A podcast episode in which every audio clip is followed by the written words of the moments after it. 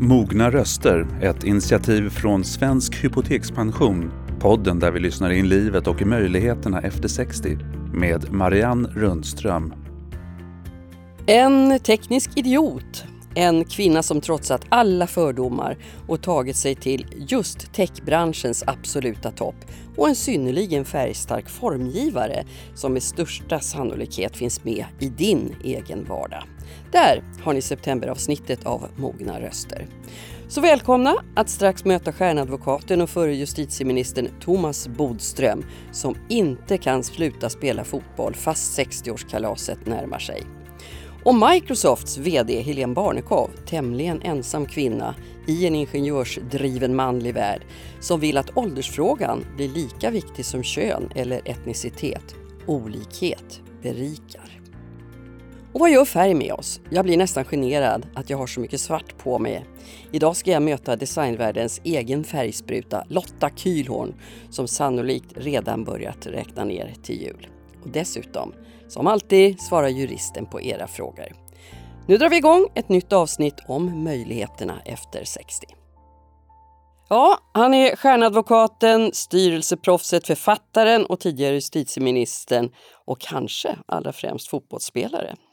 Vid den åldern när många andra börjar trappa ner effektivare än någonsin med oräkneliga järn i elden och med kanske en ny framtid i gamla hjulspår. Hej Thomas hej. Bodström, vad kul hej, att du hej. är här. Vad roligt att vara här. Ja, du, jag sa fotboll är kanske det främsta, det är en stor del utav ditt liv.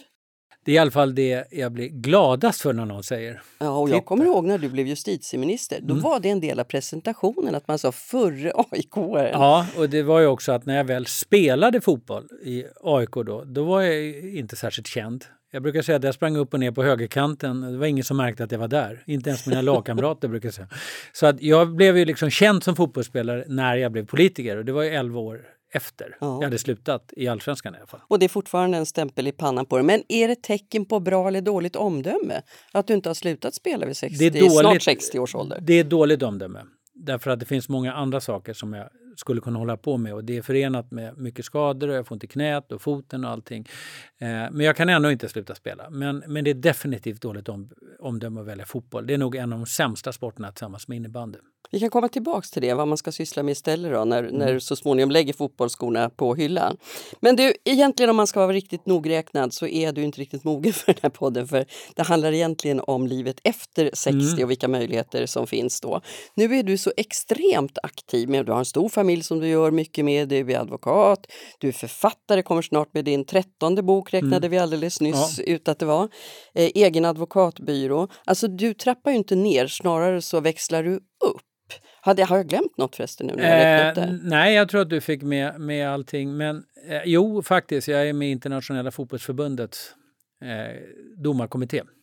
Så jag åker till Schweiz ibland, då, framförallt innan coronan, och dömer i, alltså juridiskt i, i internationella fotbollsförbundet. Och vad har du roligast? Eh, roligast tycker jag är ju fortfarande att spela fotboll. Men det här med Fifa är faktiskt oerhört spännande. Men eh, sen gillar jag blandningen att hålla på med. Ja, det är klart att det är väldigt kul att få hålla på med olika saker. Så det gillar jag bäst. Mm. Att eh, skriva en stund, få advokat en stund. I hetluften i decennier nu faktiskt. Du var ju väldigt ung när du blev justitieminister. Du hade inte fyllt 40 då? Jag var 38 och jag fick hela tiden höra hur ung jag var. Eh, och det användes också av oppositionen eh, och jag sa att om det nu är ett problem så är det i alla fall övergående. Och det är det ju. Och det känns liksom konstigt att inte få bli kallad ung längre. Ja, men du hamnade ju verkligen i hetluften direkt då. Det var Backabranden, det var kravallerna Nej, i Backabranden Göteborg. var faktiskt så att jag var advokat där. Då var du advokat, ja. ja, ja. Så att det var lite men... därför jag blev minister, sa Göran Persson.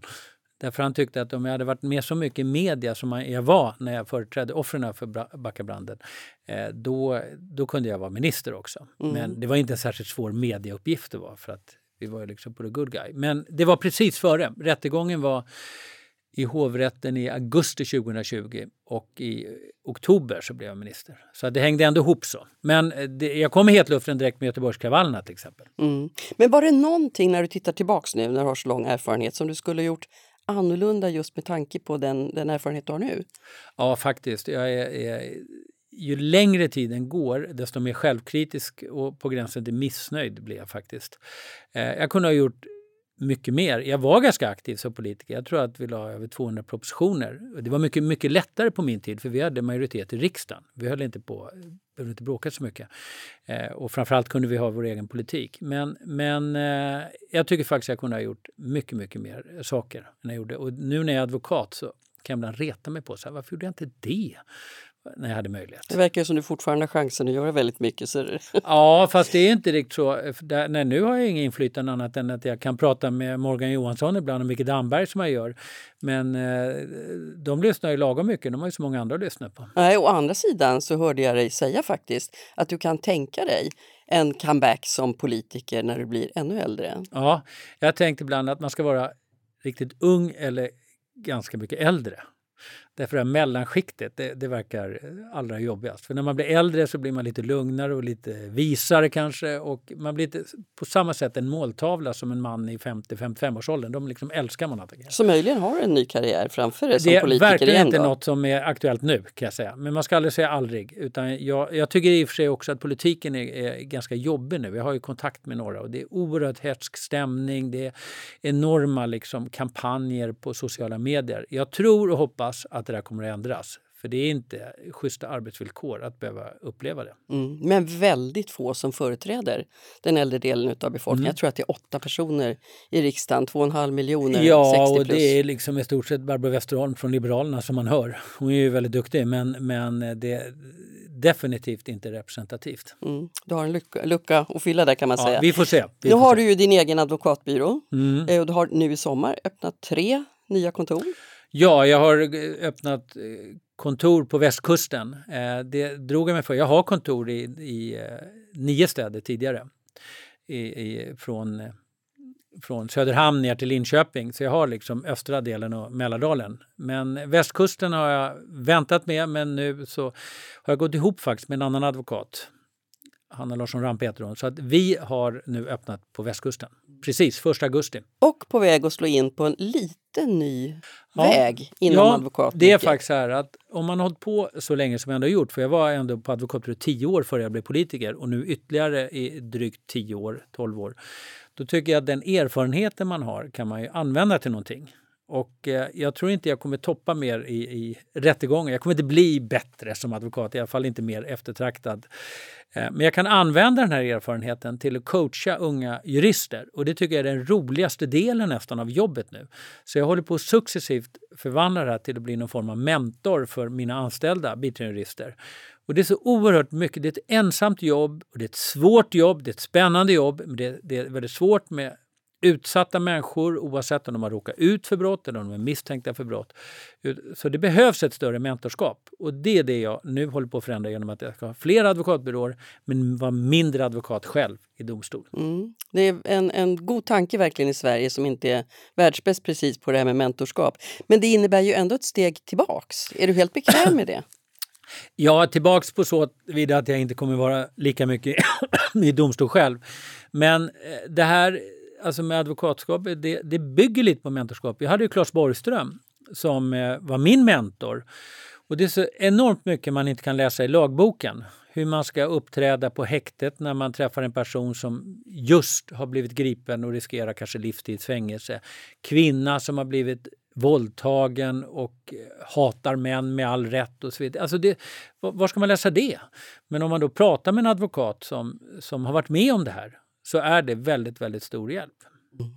Härlig framtid faktiskt, eller Ja, spännande framtid. Det känns spännande och det känns Ja. också roligt. Eh, Jag skulle bara kunna fortsätta vara advokat ett antal år till och så skulle det vara bra. Men jag vill också själv bestämma när man ska sluta, eller jag ska inte sluta, men i alla fall förändra. Och jag har den möjligheten nu och då vill jag ta det också. Och jag har inga planer på att sluta jobba. Nej, det framgår tydligt. Nu har vi redan pratat om ja, jobb. Fotboll kanske inte är jobb, men vi har pratat om fotbollsspelandet. Vi har pratat politiken. Vi har pratat om eh, dig som jurist.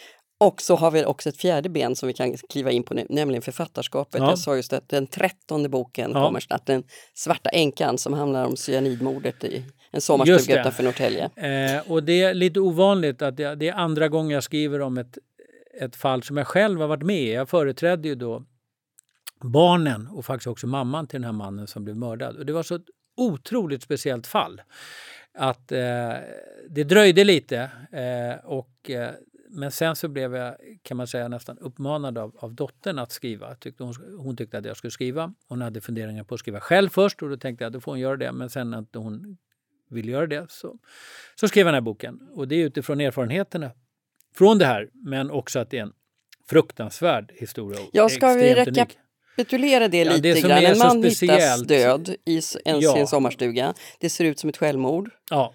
Och det ser ganska länge ut som det. Vad var det ja, som... självmord eller en olyckshändelse, eller olyckshändelse, alltså naturliga orsaker. Det trodde man väldigt länge. Ända till dottern som vägrade ge upp liksom stod på sig så mycket så att hon till slut, till slut fick polisen att intressera sig för det. Och hade inte hon gjort det, då hade det här aldrig blivit uppklarat. Och till och med så illa att ytterligare någon hade kunnat få sätta livet till. För att den här kvinnan hade ju då gift om sig. Det tog lång tid. Men det är till att börja med en väldigt ovanlig gärningsman, som man säger, men i det här fallet gärningskvinna. Eh, dessutom över 50, alltså en kvinna över 50 brukar inte begå mord, det är extremt ovanligt. Men sen också hur enormt nära det var att det inte klarades upp. Mm. Att de kom undan. Vad, vad var det till slut som gjorde att det klarades det upp? Det var att eh, eh, dottern då tillsammans med försäkringstjänsteman, och det är inte första gången som försäkringsbolagen löser det åt polisen, till slut lyckades få fram att det fanns gift i hans blod. Och då var det så att då var han kremerad redan. Och då trodde man att det var kört. Men då så upplyste den här försäkringstjänstekvinnan om att nej, man spar lite blod i ett år. Så till slut lyckades man få polisen att intressera sig för det.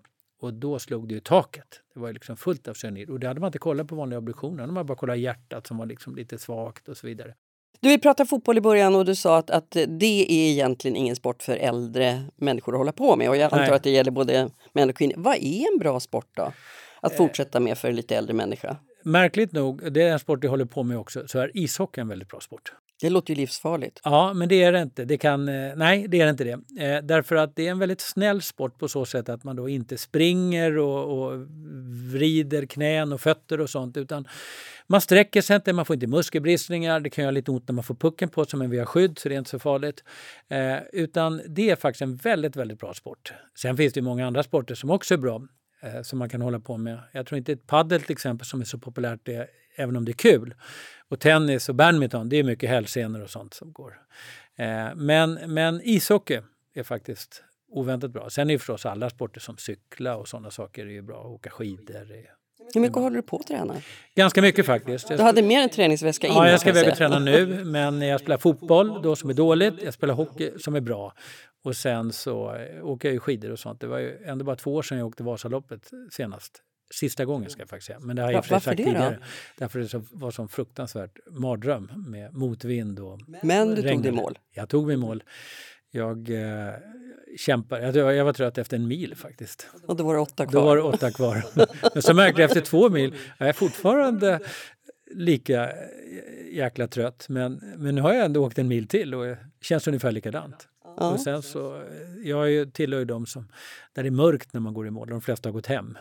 Men eh, vi kämpade faktiskt Men du tillhör också de som inte ger upp i första taget? Men det är alltid så att man kan åka 100 meter till och 100 meter till och 100 ja, meter till. kanske, inte för alla. Nej, Nej, men det om man tänker så. Ja, så kan man tänka, men kroppen kan ju också börja konstra när man kommer upp en hel del Det är klart att man kan och det var nog inte så bra egentligen att göra det och jag mådde inte särskilt bra på natten. Nej. Jag hade väldigt, väldigt hög puls.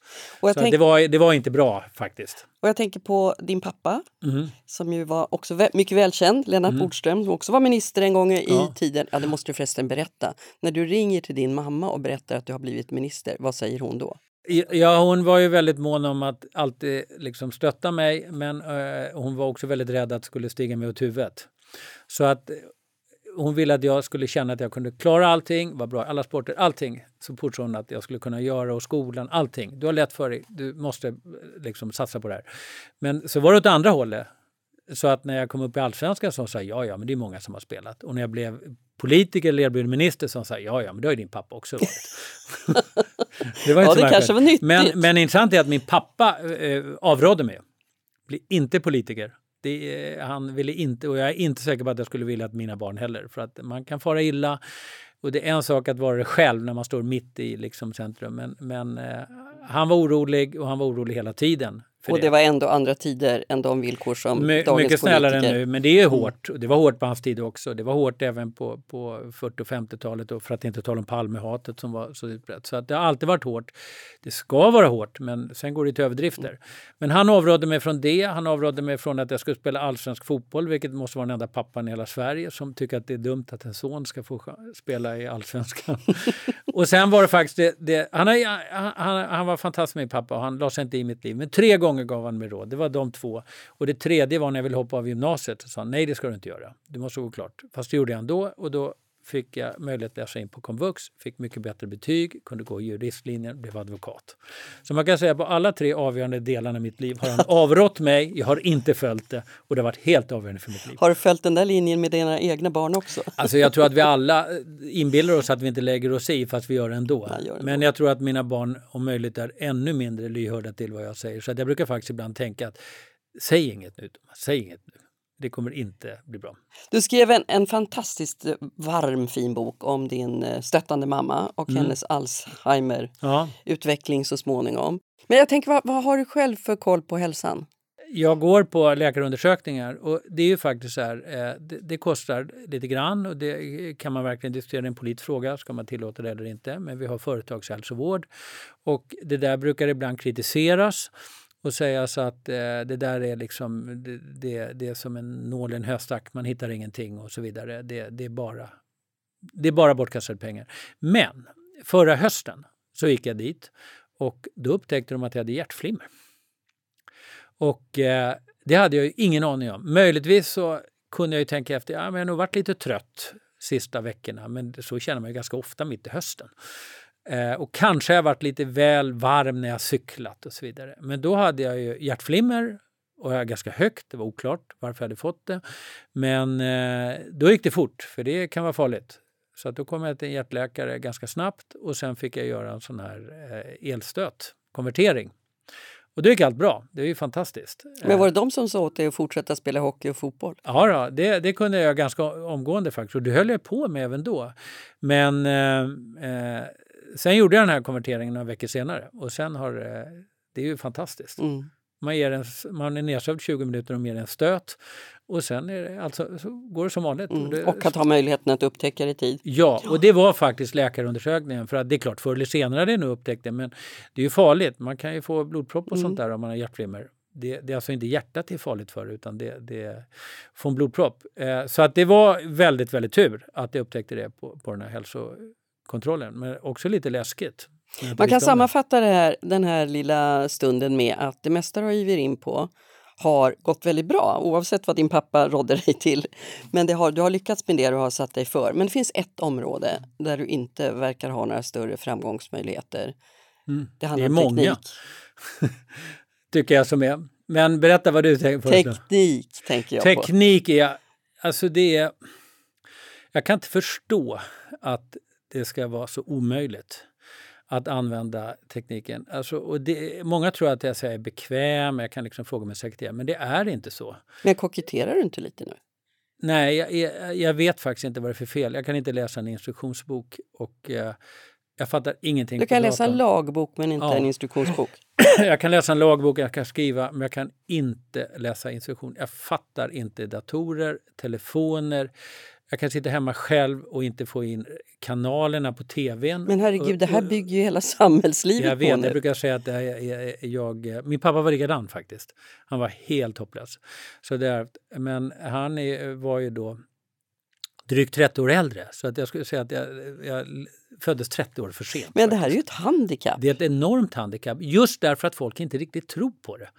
Eh, att de tror att jag är bekväm, men jag menar, jag, om jag ska se någonting på tv, det är inte roligt att sitta hemma själv och inte få in tv-kanalen. Eh, och jag fattar inte det liksom. Och så, så ropar jag på något barn. Det är inte, de, de, de flesta flyttar hemifrån va? Ja, jag vet. Men det är kanske några barn. Jag har en son hemma fortfarande som är 18 år, som går i gymnasiet.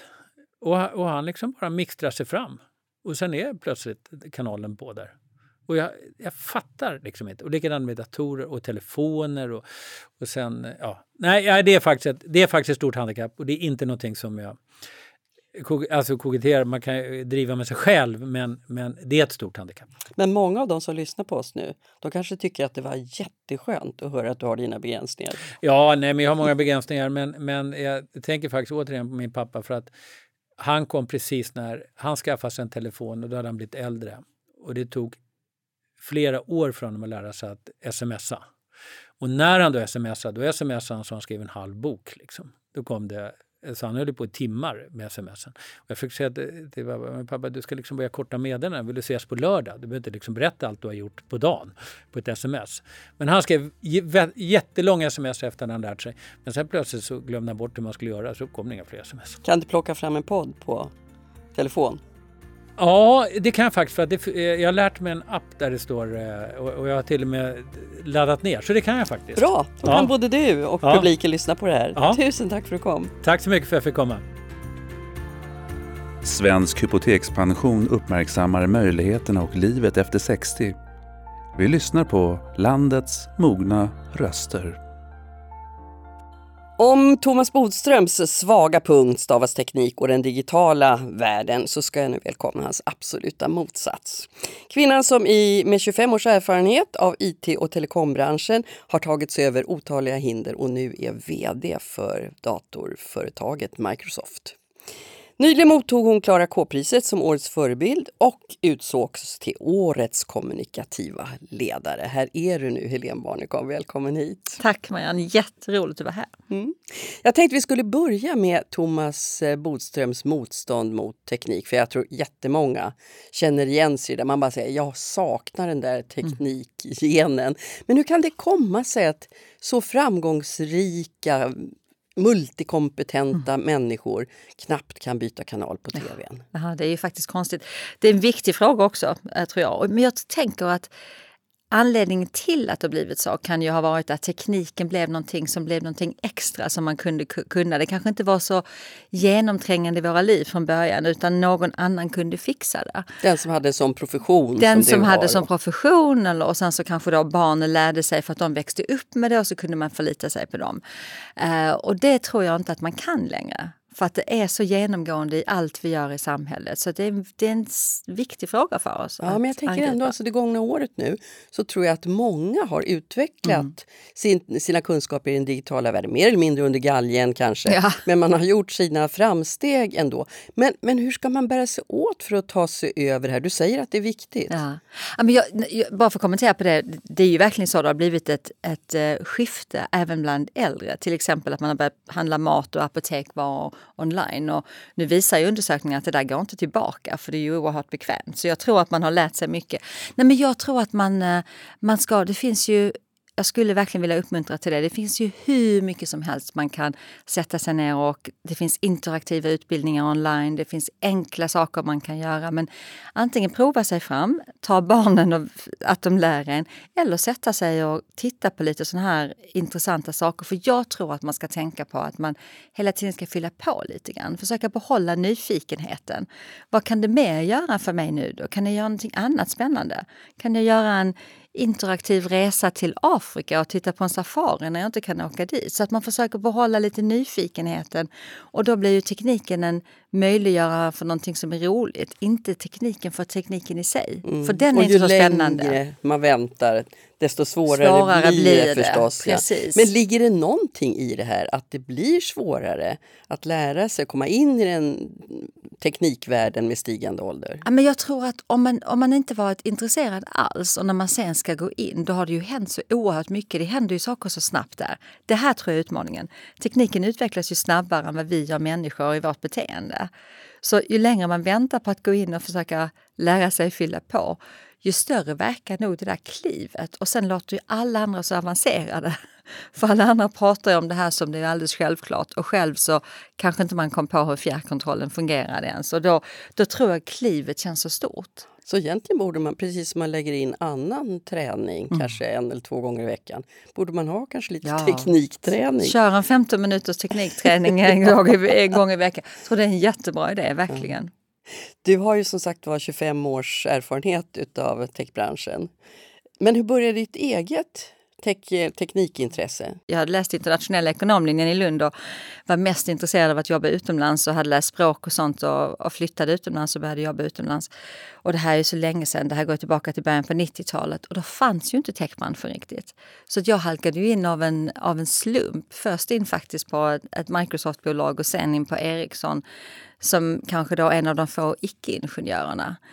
Uh, och, och jag fastnade i det för att jag tyckte det var så häftigt att se vad man kunde göra med tekniken. Och då, det var ju så tidigt, många av de sakerna. Och den här känslan av att när man satt och skrev specifikationer för hur mobiltelefonen skulle interagera med människan så kände man ju att oj, det här kommer ju ändra hela vårt sätt att leva. Det kommer ändra sättet vi kommunicerar, hur vi lever våra liv, hur vi arbetar.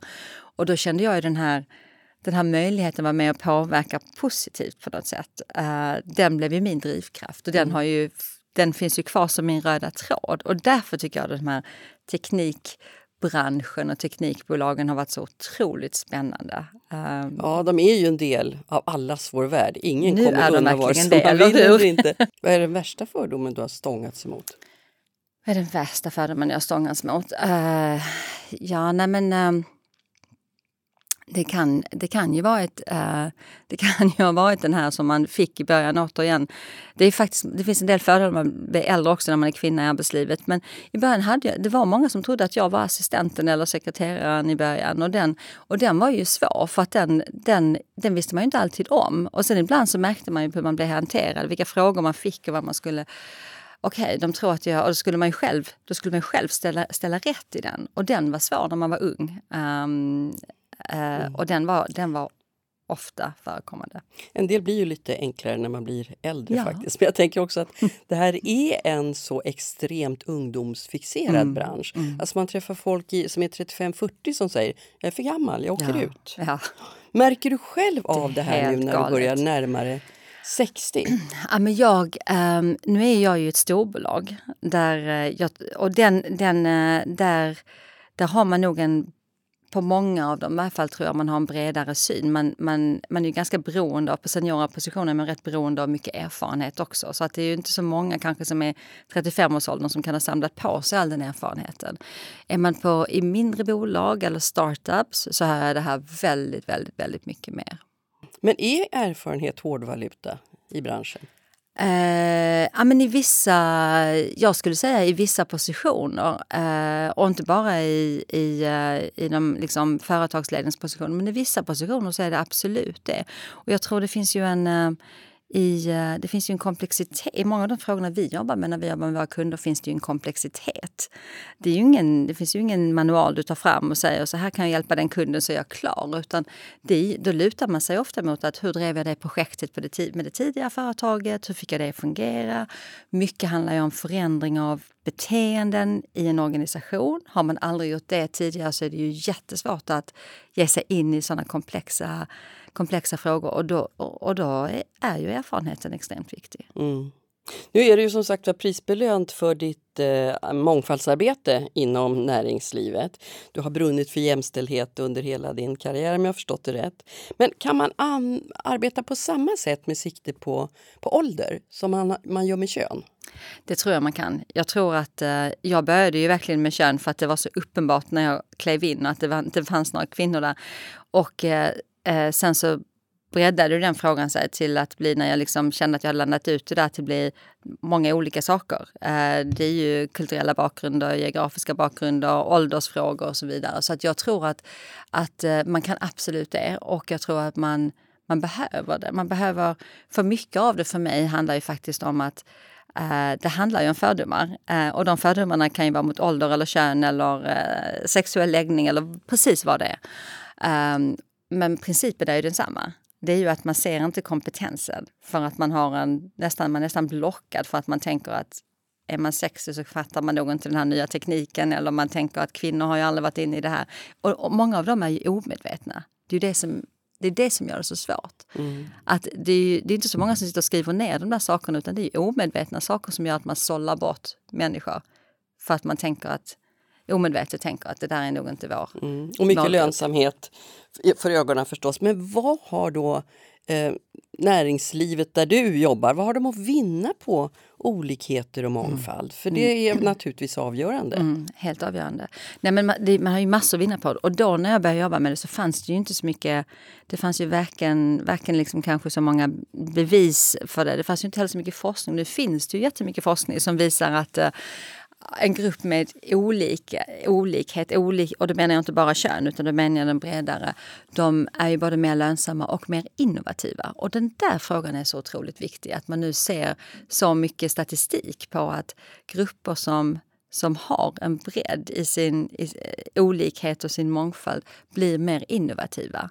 Uh, och, den och det, är ju en, uh, det leder ju till lönsamhet så småningom om man gör rätt och sen kan exekvera på det. Men, men det är ju en hjärtefråga för de flesta företag idag faktiskt. Mm, fast samtidigt verkar det ju inte, om vi nu pratar ålder, ha slagit igenom. Alltså, vad, vad förlorar företag som slänger ut sina erfarna medarbetare utan att heller överföra den kunskapen till andra. Ja, man förlorar massor. Jag måste bara lägga till att det inte slagit igenom. Och det här, jag tror faktiskt att Sverige är ett av de länder som är nästan sämst på den här åldersfrågan faktiskt. Vi brukar skryta om vissa andra saker. Där tror jag faktiskt att tittar man i många andra kulturer så är ju ålder någonting som premieras. Och absolut, om tittar man i japansk kultur eller en fransk kultur och andra, det ser inte ut på det här viset. Men i Sverige så tror jag faktiskt att det är en sak som vi har mycket kvar att jobba med.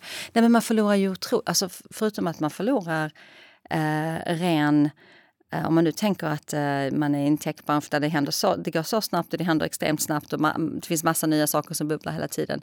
Så den här stabiliteten som man ofta kan få när man, när man har en, någon som inte rusar iväg och kastar sig. Man kan inte rusa iväg och kasta sig efter allting.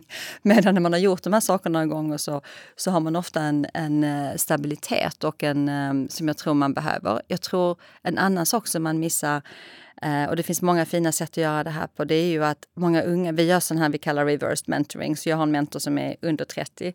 De här, de här att, att koppla samman de här riktigt unga med oss som då har jobbat i många år och som har en tillför någonting annat. Det, det är en helt fantastisk mm. dynamik i det. Men att man vänder på det också, man att de unga också, också har mycket precis.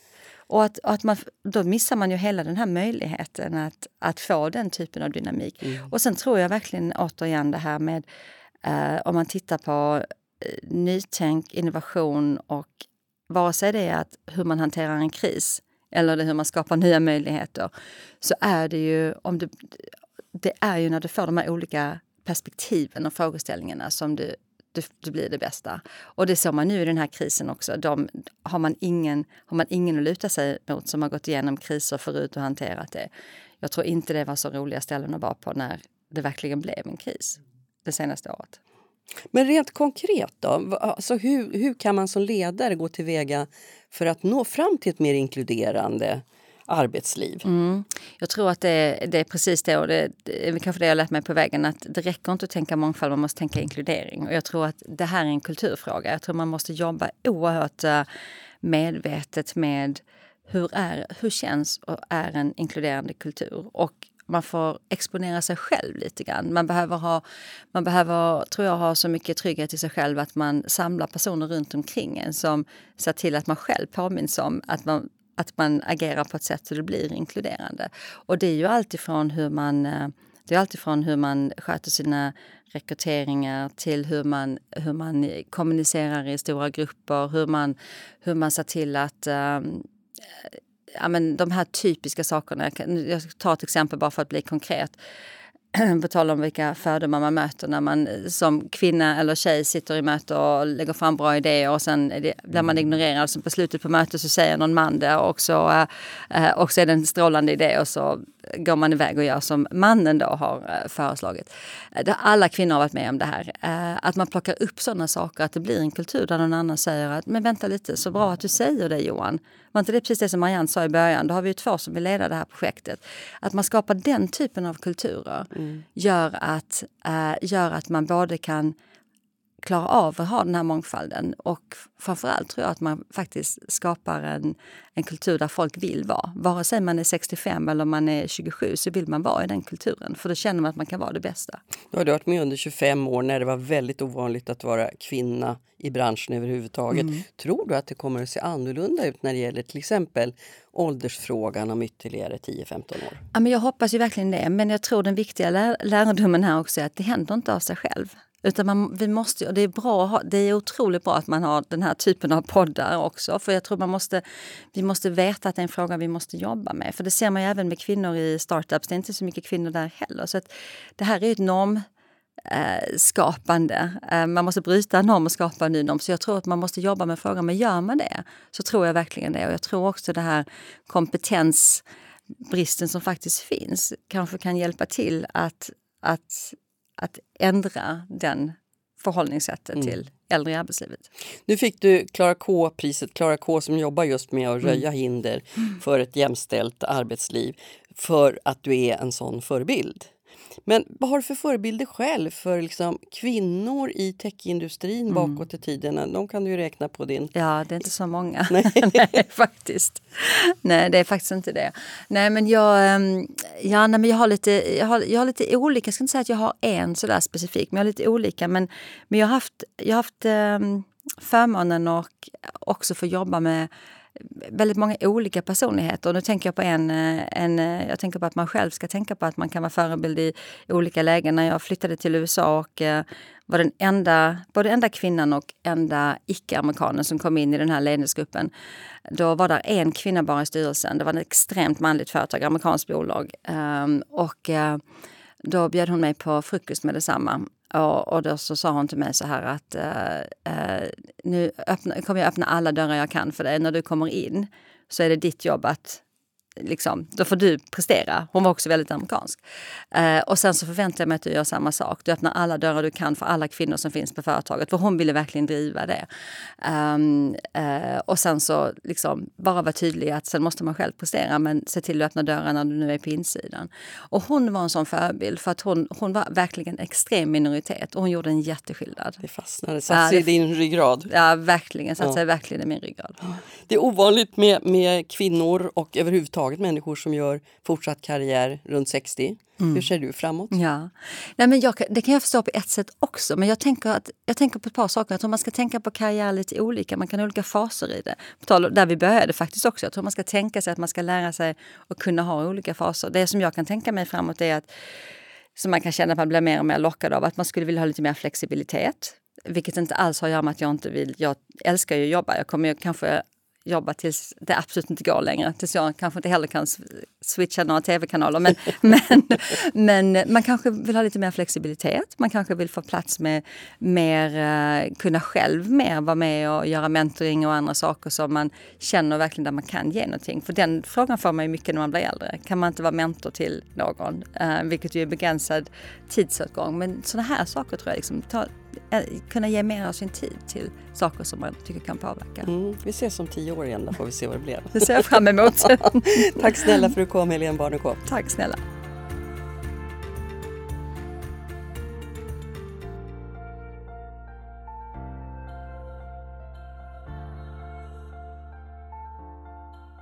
Ja, mer eller mindre medvetet, men du delar troligen din vardag med vår nästa gäst. Hennes mönster och färger och design finns överallt. På bokomslag, bruksföremål, kanske på din knäckebrödsförpackning eller kanske lagar du något ur hennes kokbok nyligen. Jag ska säga välkommen till en av landets allra mest färgstarka grafiska designers, Lotta Kühlhorn. Hej! Hej! Vad kul att du är här. Ja, vad kul att vara ja. här. Jag brukar tänka på dig som en, en färgexplosion nästan. Och det blir man väldigt glad av. Men jag tänker att flertalet och mig själv inbegripet när man nu tittar in i sin höstgarderob så är det ju som någon slags ja, svart sorgekavalkad. Mm. Det är liksom svart och svart och svart och 30 olika variationer av den lilla svarta. Begriper du på oss? Nej, eller nej, jag är nästan som en regel. Nej, det får inte, jag får, får inte välja svart. Det var i och för sig många år sedan. Så kan jag tycka att det kan vara jättefint. Men eftersom alla andra har det, jag vill liksom sticka ut lite och därför har jag valt bort svart. Mm. Jag, och sen tycker jag också, jag tror att det kan ha med att göra att jag tycker det är jag går in i en affär och så ser jag en massa svarta kläder. Jag har så svårt att se hur vad modellerna... Jag, liksom, jag ser inte, hur kommer den där att sitta? Vad har den för finess? Medan jag ser det ganska lätt när det är mycket färg. Sådär. Fast Eller det- det kan vara färgen som är finessen då. Är kanske det som är grejen för oss som börjar bli Mm. lite äldre. Att man tänker att man, att man inte, det är skonsamt mot en allt mer tilltagande figur att Mm. Ja. svart. Men ska man tänka tvärtom då? Att när man Jag kommer upp i det. åren så behöver man färg? Ja, absolut. Eller jag är, för mig är det lite terapi. Om jag sätter på mig något glad färg, eller glad, men en speciell färg, då blir jag liksom på det humöret. Medan som sätter på mig svart, då är det för att gömma mig.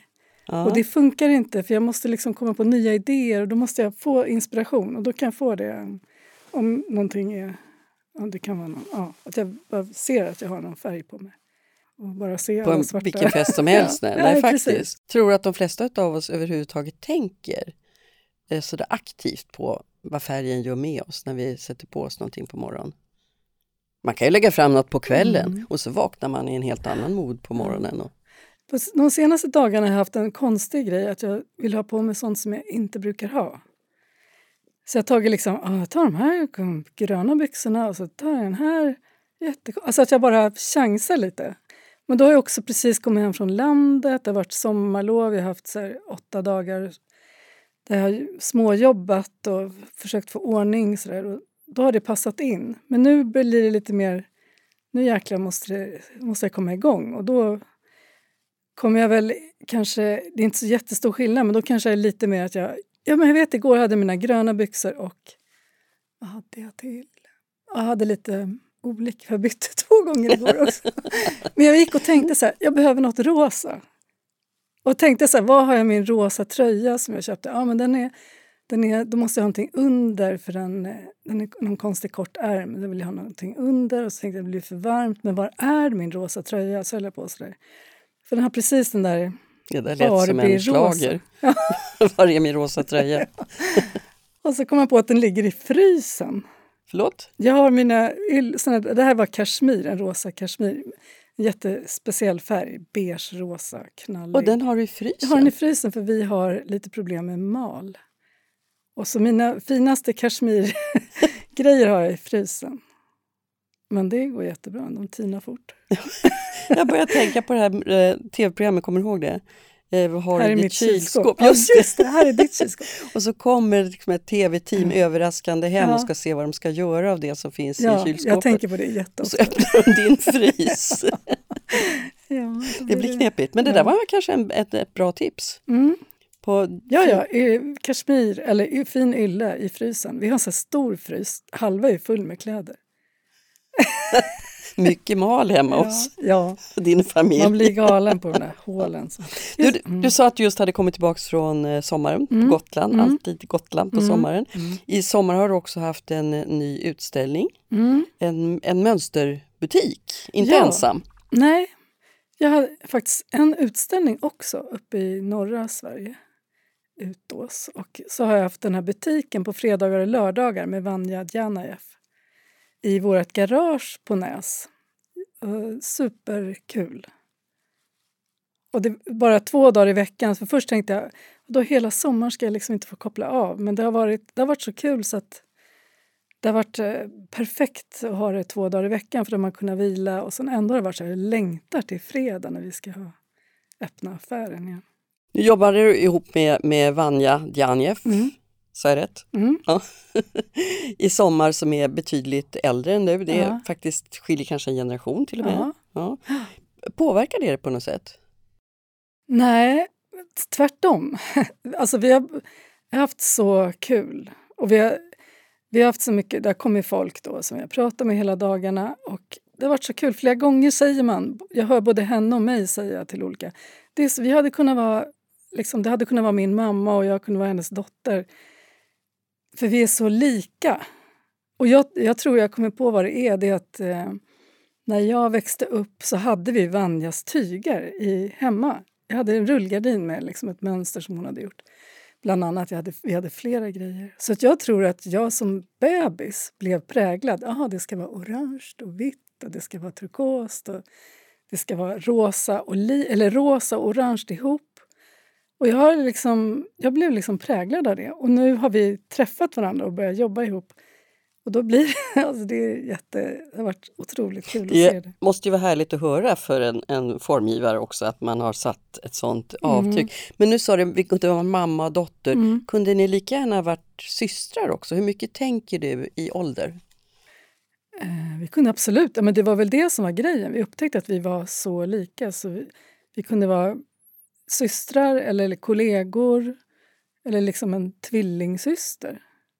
Och så blev det där, men gud, det skiljer en, en generation. Vad konstigt, hur kan vi vara så lika? Hur kan vi liksom tycka om samma och tänka på samma sätt och ha samma så här, att vi älskar att jobba och att vi liksom bara fortsätter. Jag önskar ju att, att det tänket slog igenom lite mer, att man Mm. inte bedömer folk efter ålder lika mycket. Men om vi vänder på kuttingen Mm. så har du också nu en av dina tre söner Ja. i företaget Ja. och jobbar ihop med just en yngre generation. Mm. Vad har det inneburit? Alltså det har ju varit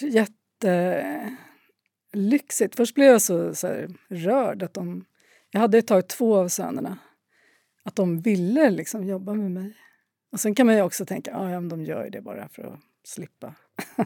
Eller något sånt där. Men det har varit eh, det är otroligt kul. Jag tänker mycket på, jag har tänkt mycket på familjeföretag. Liksom, så här, någon, att det heter någonting och söner eller döttrar. Eh, liksom att det är en rolig hon och grej. söner. Ja, och så tänker jag ibland om inte allt fanns, om, inte allt, om vi levde för hundra år sedan, då skulle det inte vara så konstigt. Och så har jag tänkt, vad kul att jag får vara med om det. Jag vill ju att det ska vara egentligen lite mer som förut på något sätt. Men du har ju så himla lång erfarenhet i det här gebitet Mm. nu. Alltså, jag vet inte om man kan räkna alla dina bokomslag, det är säkert tusen och många fler än, Mm. än det.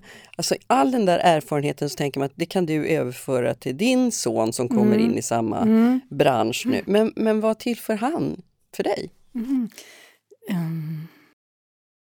Är det andra idéer, annat tänk? Ja, dels som liksom, ja, men teknik, att kunna det.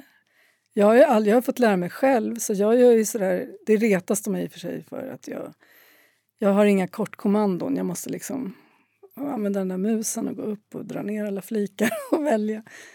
Men och det har jag ju fått lära mig en del. Men jag tycker, jag kan snarare bli så här rörd ibland när vi står på ett möte och det är massa ofta yngre människor som har gjort någon bok eller någonting vi ska jobba med. Så känner jag, gud vad kul, jag får vara med i det här. Eller ingen ifrågasätter någonting. Liksom. Det finns inga generationsgränser. Och ju äldre jag har blivit har jag blivit mindre och mindre rädd.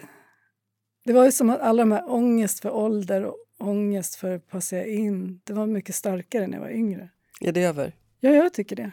Så kanske de yngre tittar på mig och tycker gud vad hon är. Jag vet inte om de tänker så, men jag bryr mig inte lika mycket längre. Nej, det är ju en Mm. fördel och ett skönare förhållningssätt till livet. Ja, att inte... Ja. Och sen har jag alltid jobbat själv. Jag är liksom ensamvarg i mitt jobb. Och då är det väldigt, nu är jag ju inte riktigt själv, fast jag sitter i ett eget rum, vi sitter åtskilda sådär, men då är det rätt kul att det är en annan generation som jag jobbar med. Mm. Att det inte liksom bara är samma. Vi har, sam, vi har inte samma erfarenheter, vi har inte samma musik, liksom, bakgrund. Eller, vi har olika, liksom, kommer från olika håll ändå, även om vi är samma familj. så är det olika generationer. Jag tycker det tillför. Jag sa tusen bokomslag jag tror att jag sa inledningsvis att någon kanske har lagat något ur någon kokbok Mm. nyligen som du ofta utgår ifrån säsong. Det är Mm. ofta väldigt mycket grönt, Mm. grö och det är väldigt tacksamt. Att, Ja. förstås att, att illustrera en växtvärld. Ja, Men ofta så utgår du ju från just säsong. ja. Va, vad, ska, vad skulle du ställa på bordet ikväll? För nu börjar hösten. Ja. Ehm, alltså, jag vet inte. Jag är, är rätt att svara på det? Jag äter ju extremt mycket kål. Mm. Blomkål. Nu är det så mycket. Nu är det nästan, nu är det nästan Kål är väldigt man inte trendigt. kan ha. Ja, det är en sån tacksam grej. I, I lunch idag har jag liksom redan lagat massor med grönsaker. Men just ikväll ska jag göra en... För imorgon ska jag fiska kräftor, därför ska jag förbereda en efterrätt som vi ska ha imorgon kväll innan vi lägger de där burarna. Och då måste man göra, jag ska göra så citronposset och det är ju inte direkt kanske säsong citron, men det finns ju. Ja, och friskt efter kräftor. Ja, ja. Men vad sa du, citron? Citronposset heter det. Det är en sorts... Det är som en citronfromage, men man har ingen, ingen gelatin eller potatismjöl utan det är bara citron och grädde och socker. Men och hur... så skär sig citronen med grädden lite grann. Alltså den är helt slät. Det är en sorts ost egentligen, färskost. Nej. Citronen gör att grädden liksom tjocknar och blir som... Så det blir inte en shot utan det blir... Nej, det blir en fast jättefin kräm. Som är som, ungefär som panna cotta. Gud vad spännande! Men det händer automatiskt. Men det tar sju timmar ungefär. Och den måste liksom, så jag gör den ikväll så kan vi ha den imorgon kväll. Citronposset tar vi med ja. oss från samtalet ja. med dig, verkligen. Det blev en nyhet. Ja. Annars så, så, kräftorna är ju för mig en, en högtid faktiskt. Mm. Jag tycker det är helt mm. fantastiskt. När man, nu kan man ju köpa kräftor året om, men jag tycker när man nu får äta dem, det, då ska man ha kommit en bit in i augusti och sådär. Men annars är ju din stora högtid, den, den är ju julen, det har vi kunnat se på tv när du mm. pysslar. Mm. Det är bara fyra månader kvar nu. Har du börjat? Nej, jag vet att några gånger i somras tänkte jag, hur kan jag tycka så mycket om julen? Jag älskar ju sommaren. Jag har in noll julkänslor. Jag har känt efter några gånger till och med. Har jag några julkänslor? Nej, med liksom ett rungande skrik. Jag vill inte ha jul. Men nu... nu kom det. Ja, det har börjat. Det var en natt, bara två nätter sedan någonting, vaknade så började jag tänka så här, vänta. Jag vill göra en adventskalender. Alltså liksom, nej, jag får inte tänka på det. Jag får inte tänka, för det går inte att tänka på sånt där på nätterna för då kan inte jag sova. Liksom. Jag blir för, får så mycket idéer. Så jag bara så här, men idéerna har börjat komma. Men det är ett tag kvar. Men om man ska göra någonting som man vill nå ut med till jul så måste man börja ganska snart. En adventskalender, 24 luckor, det ja, tar tid. Det tar tid. Och vem ska ha adventskalendern? Jag tänker alla som, alla som tycker det är kul med jul och vill ha någon liten... Eller för mig är det mycket, jag tycker jag gillar, ju för, jag gillar julen, men jag gillar egentligen mest liksom förberedelserna innan det blir den här hetsen med har jag köpt färdigt nu eller har jag, kommer den bli ledsen att jag gör... Alltså den här jobb, negativa stressen gillar jag inte. Men jag älskar de här förberedelserna och, och jag älskar gammaldags jular. Liksom hur, jag rensade en låda häromdagen från min pappas familj och det ramlade ut några gamla julkort från 1914 och sånt där. Och då var det bara en, en byrå som var liksom en grön byrå med lådor och så stod det någon text på det, så det var ett tryckt kort. Men då blev jag så här, vänta, så här kan man göra en julkalender.